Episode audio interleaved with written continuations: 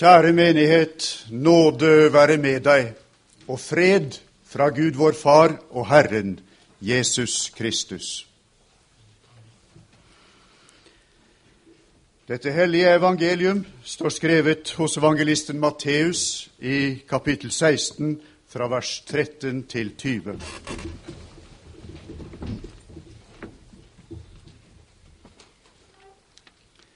Men da Jesus var kommet til landet ved Cesarea Filippi, spurte han sine disipler og sa, Hvem sier folk at menneskesønnen er?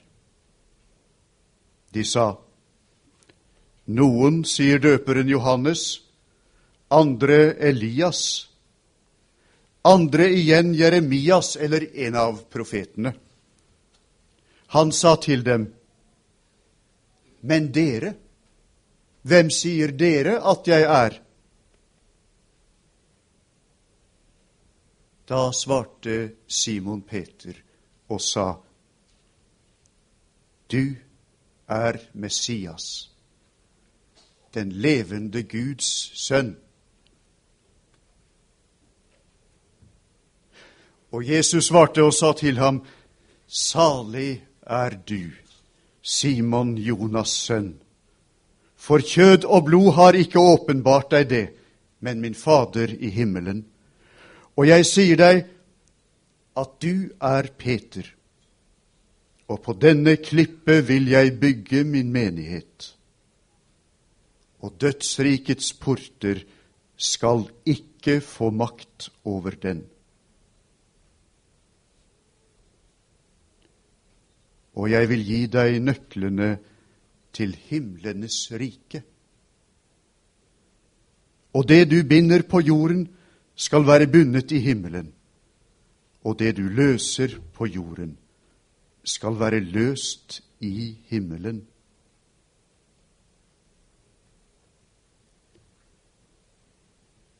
Da bød han sine disipler at de ikke skulle si til noen at han var Messias. Hellige Far, hellige oss i sannheten. Ditt ord er sannhet. Amen.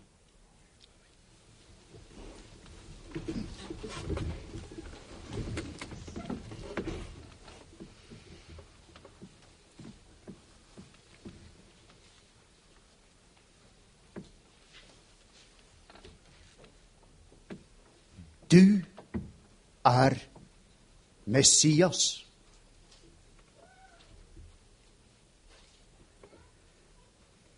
Slik er det. Ved Cesarea Filippi, der oppe i den grønne dalen, får Peter en enestående anledning. Han får sette de rette ord på saken slik den er. Du er Messias, den levende Guds sønn.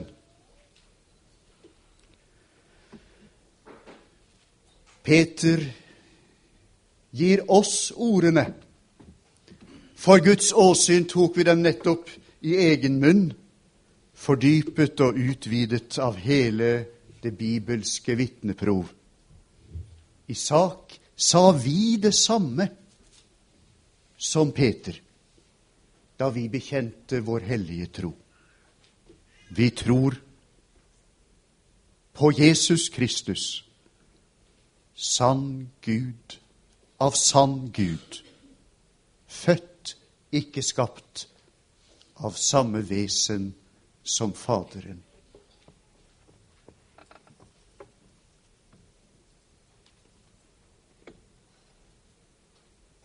Folk sier så mye. Folk sier 'jeg vil ha en Gud som' Folk sier 'Jesus'. Ja, han bare aksepterte folk akkurat som de var. Folk nå for tiden har så mange fortolkninger, så mange perspektiver, akkurat som folk på Jesu tid. Hvorfor kan vi tro at det vi sa i vår bekjennelse nettopp, er bedre?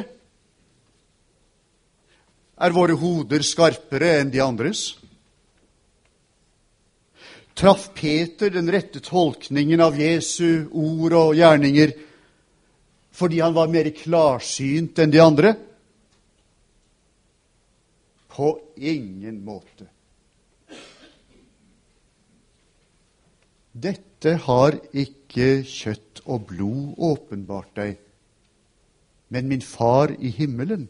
Slik forklarte Jesus hvordan den ustadige disippelen fikk slik en, et enestående klarsyn. De hadde sett hva Jesus gjorde, alle. De hadde hørt hva Jesus sa. Men Ånden åpnet Peters og de andres øyne, så de trodde den virkeligheten som tegnet seg for dem der hvor Jesus talte og ferdes. De trodde den virkeligheten som de hørte og så, at Jesus er Messias, den levende Guds sønn.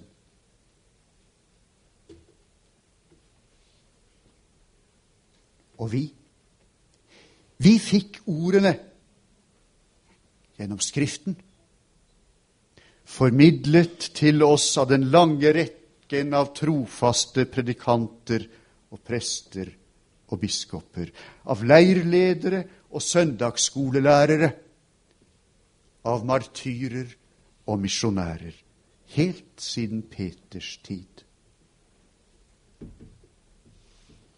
Kunne vi skaffet oss troen på Jesus selv? Nei, ikke, ikke vi. Ikke vi, for vi har innsett at vi av egen kraft eller fornuft ikke kan tro på Jesus Kristus eller komme til ham. Men Den hellige ånd har kalt oss ved evangeliet. Ånden grep våre hjerter, så vi trodde ordet om Jesus. Og i Åndens kraft har vi i dag bekjent Jesus, du er Messias, den levende Guds sønn.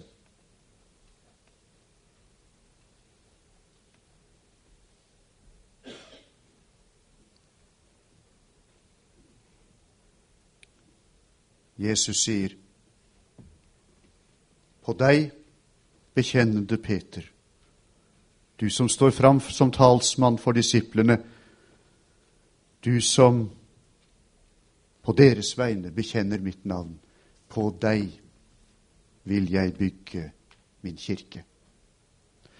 For når Herren Jesus bygger sin kirke, da forordner han ikke funksjoner, da setter han ikke i gang prosesser, han formulerer ikke paragrafer, men han bemyndiger mennesker som overgis autoritet fra Jesus. Fra Jesus. Fra Jesus, han som er Messias, den levende Guds sønn.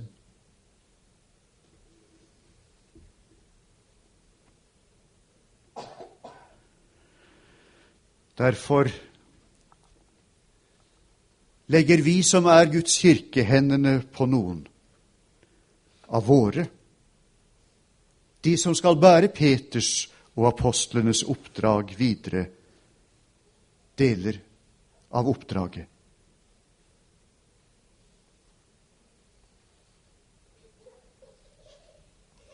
Og i samme åndedrett innstifter Jesus nøklene.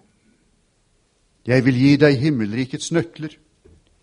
Det du binder på jorden, skal være bundet i himmelen. Og det du løser på jorden, skal være løst i himmelen. På jorden innsetter Jesus en myndighet som rekker helt til himmelen. En myndighet til å binde som synd og løse som rett for Gud. En myndighet til å binde i synd og løse fra synd og skyld.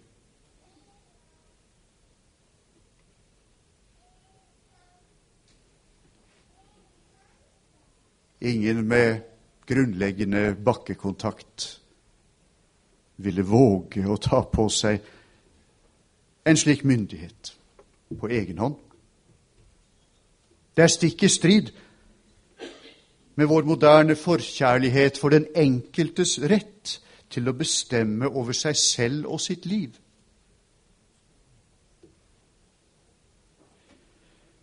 Hvem vil ta på seg en autoritet som tror seg å binde på jorden med bindende virkning i himmelen? Det må forkastes som en middelaldersk fortidslevning.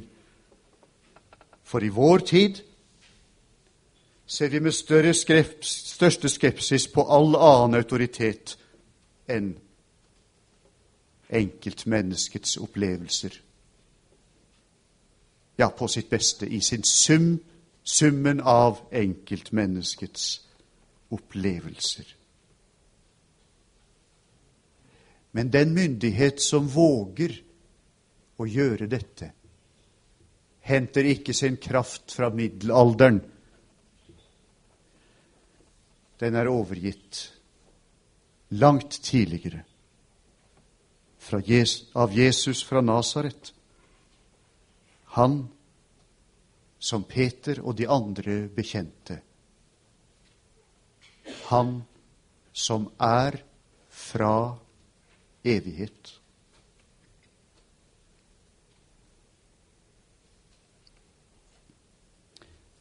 De velsignede nøklene tjener vår tro og vårt liv, så vi kan bli frelst. Nøklene er ikke noen særlige menneskes utvalgte maktmiddel over andre. Nei, de er redskaper som Jesus gir sine apostler for å berge oss synsforvirrede mennesker fra et liv under syndens og dødens og djevelens makt. Berge oss inn i saligheten. Det du binder på jorden, skal være bundet i himmelen.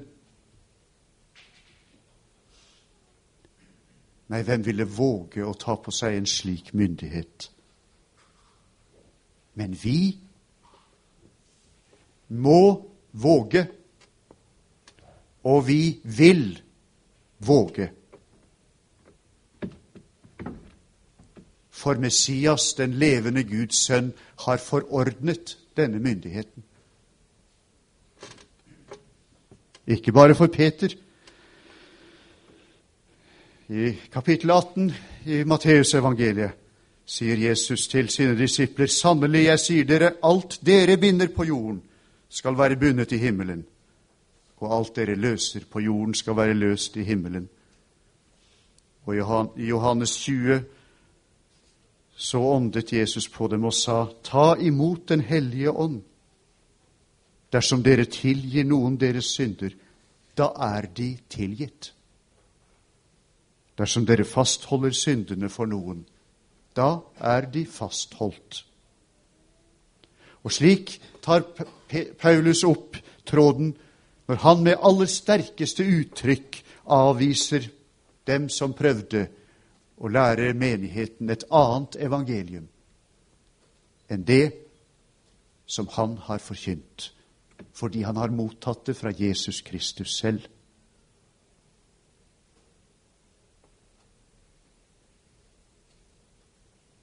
Om, om noen forkynner et annet evangelium, han skal være forbannet.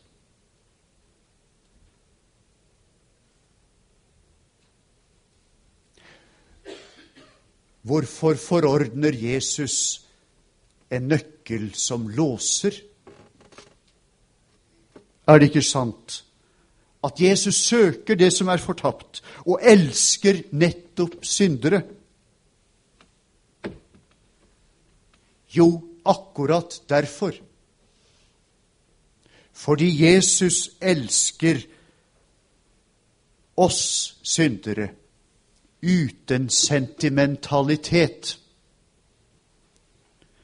Berger han oss med ubehagelige, ja, noen ganger pinefulle, drastiske grep. Jesu bror bruker et bilde om å rive ut av ilden. Judas 23. Det er den siste dramatiske redningsoperasjon som hans representanter bemyndiges til å sette i verk. Som en smertefull og brutal hjerte-lungeredning. Øyenvitner har forsikret meg om hvor brutal den kan være. Trykk til! Du skal høre at brystkassen knekker, sier livredningsinstruktøren. Da redder du. Da redder du fra den visse død. Slik er nøkkelen som låser. Og derfor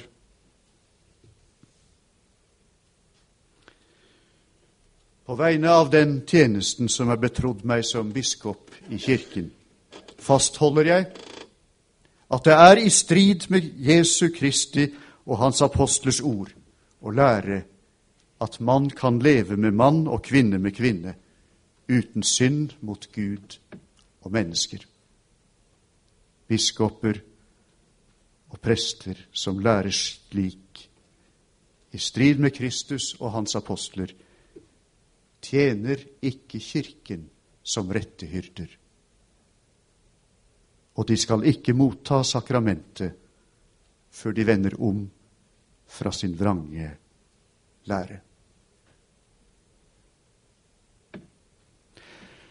På vegne av tjenesten som er betrodd meg som biskop, tilskynder og formaner jeg dere innstendig tjenestebrødre Treng inn i de hellige skriftene på nytt.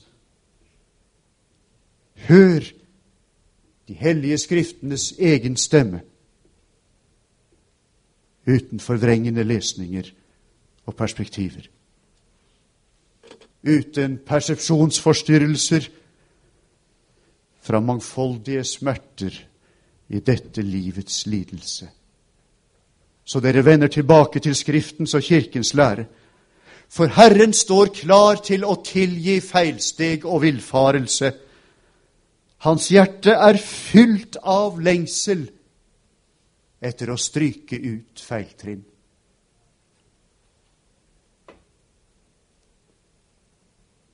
Da kan vi igjen kjempe sammen for den tro som en gang ble overgitt de hellige. slik Jesu bror sier.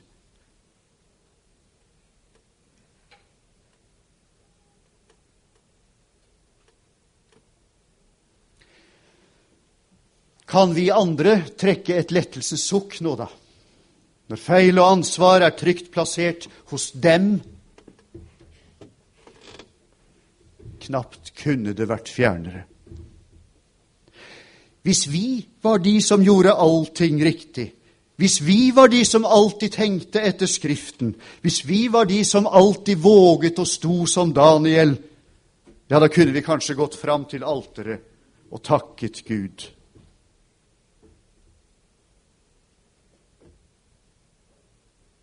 Men slik er det ikke.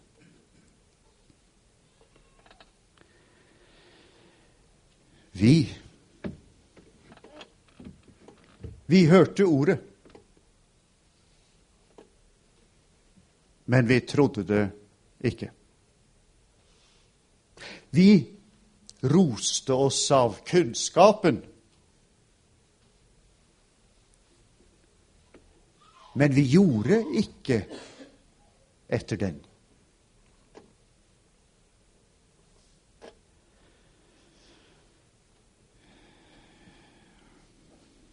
Vi har ikke noe å peke på som kan sette oss i den åndelige elitedimensjonen.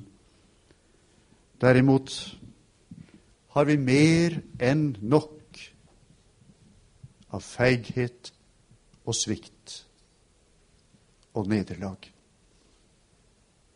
Noe er lett å se på lang avstand, og andre ting kommer til syne først på riktig, riktig nært hold. Vi vet at vi skal frem for dommen. Der har vi én ting å si. Bare én ting å si. Gud, vær meg synder nådig.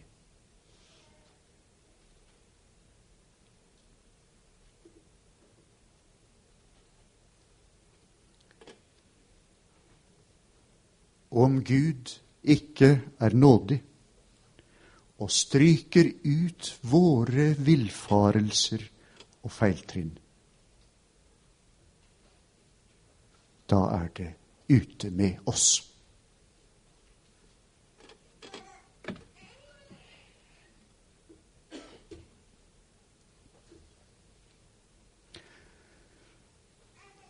Og det du løser på jorden, skal være løst i himmelen. Her er nøkkelen som åpner opp. Her er syndenes forlatelse. Og bare derfor er det frelse her.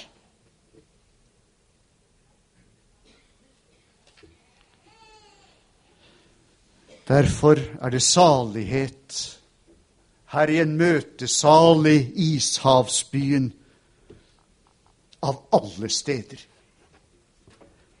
Derfor samles sultne mennesker her fra Afrika og Amerika, fra Europa, fra vidda og fjorden, kvinner og menn, spedbarn og oldinger. Sultne på syndenes forlatelse.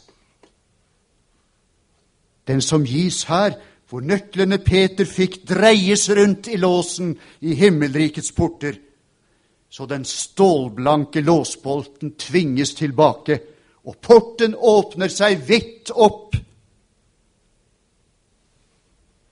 For deg.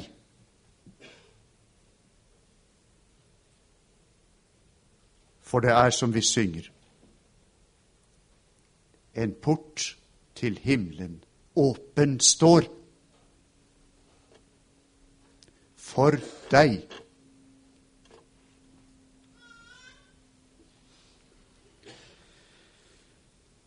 Jeg vil gi deg himmelrikets nøkler. Det du løser på jorden, skal være løst i himmelen. Nei, vi ville ikke våge å ta oss til slikt på egen hånd. Men apostlene fikk det overdratt. Og når Jesu Kristi troende, biskoper, prester og diakoner er samlet, sånn som i denne forsamling, da er Guds nøkler igjen overdratt og stadfestet.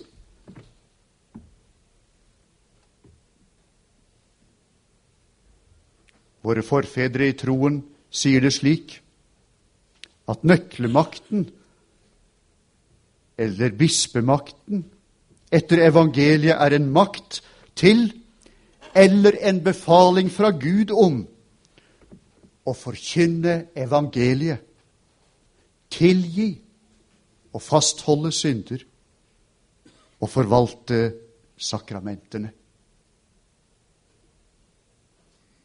For Jesus bygger sin kirke på den bekjennende Peter, apostellederen. Men Jesu Kristi kirke er ikke noen elitetropp kremen av menneskelig materiale. Legg merke til deres kaldbrødre, sier apostelen, nokså realitetsorienterende. Ikke mange doktorgrader, ikke mange politiske posisjoner, ikke mange trollbindende retoriske evner, ikke mange superbloggere. Men det som er lavt i verden, utvalgte Gud seg. For å gjøre det sterke til skamme.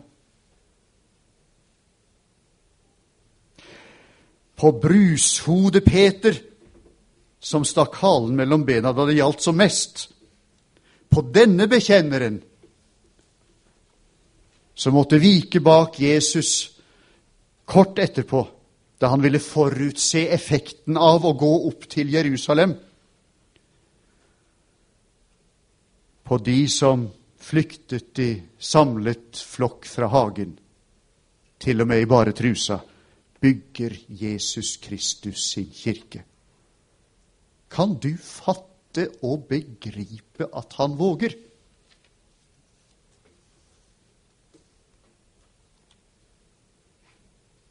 Men det er det han gjør. Her bygger Jesus sin kirke på svake, prestisjefattige,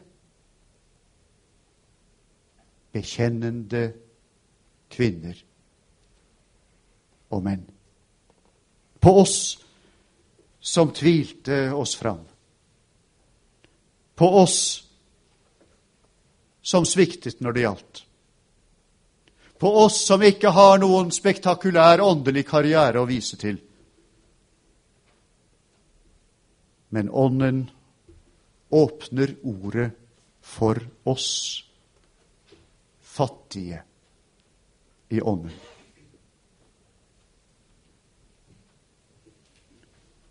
Og når vi får spørsmålet 'Og hvem sier dere at jeg er?' så svarer vi som Peter. Du er Messias.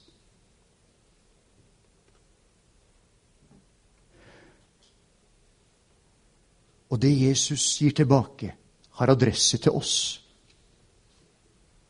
På deg vil jeg bygge min kirke, og dødsrikets porter skal aldri få makt over den. I våre mørke stunder, i våre nederlag. Og på denne gledens dag skal vi feste våre forhåpninger der.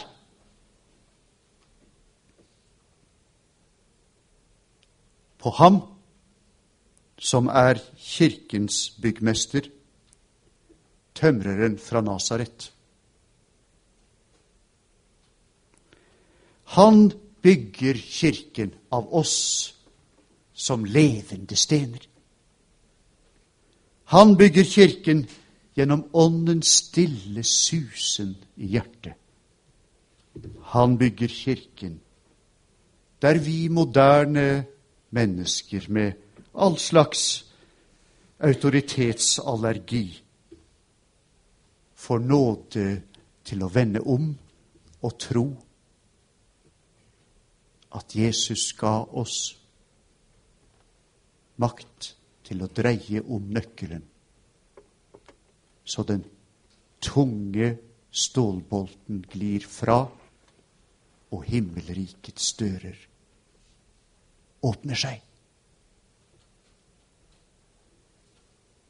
Så vi får nåde til å tro evangeliet. Hvem sier dere at Jesus er? Si det. Si det til han det gjelder. Og si det til alle du møter. Du er Messias, den levende Guds sønn.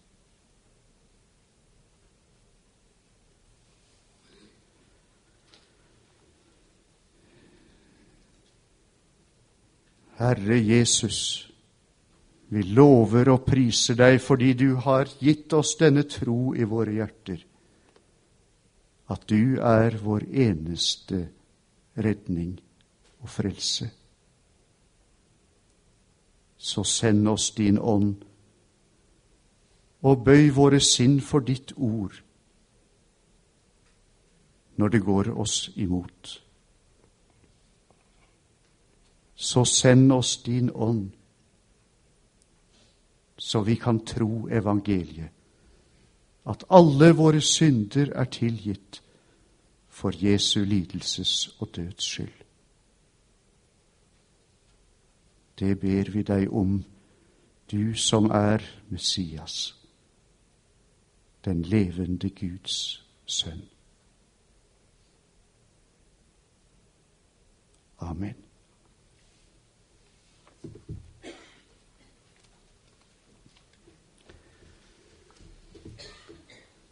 Ta imot velsignelsen.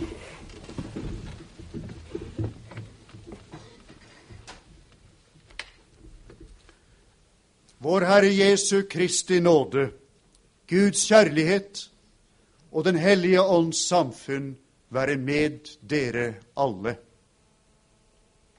Amen.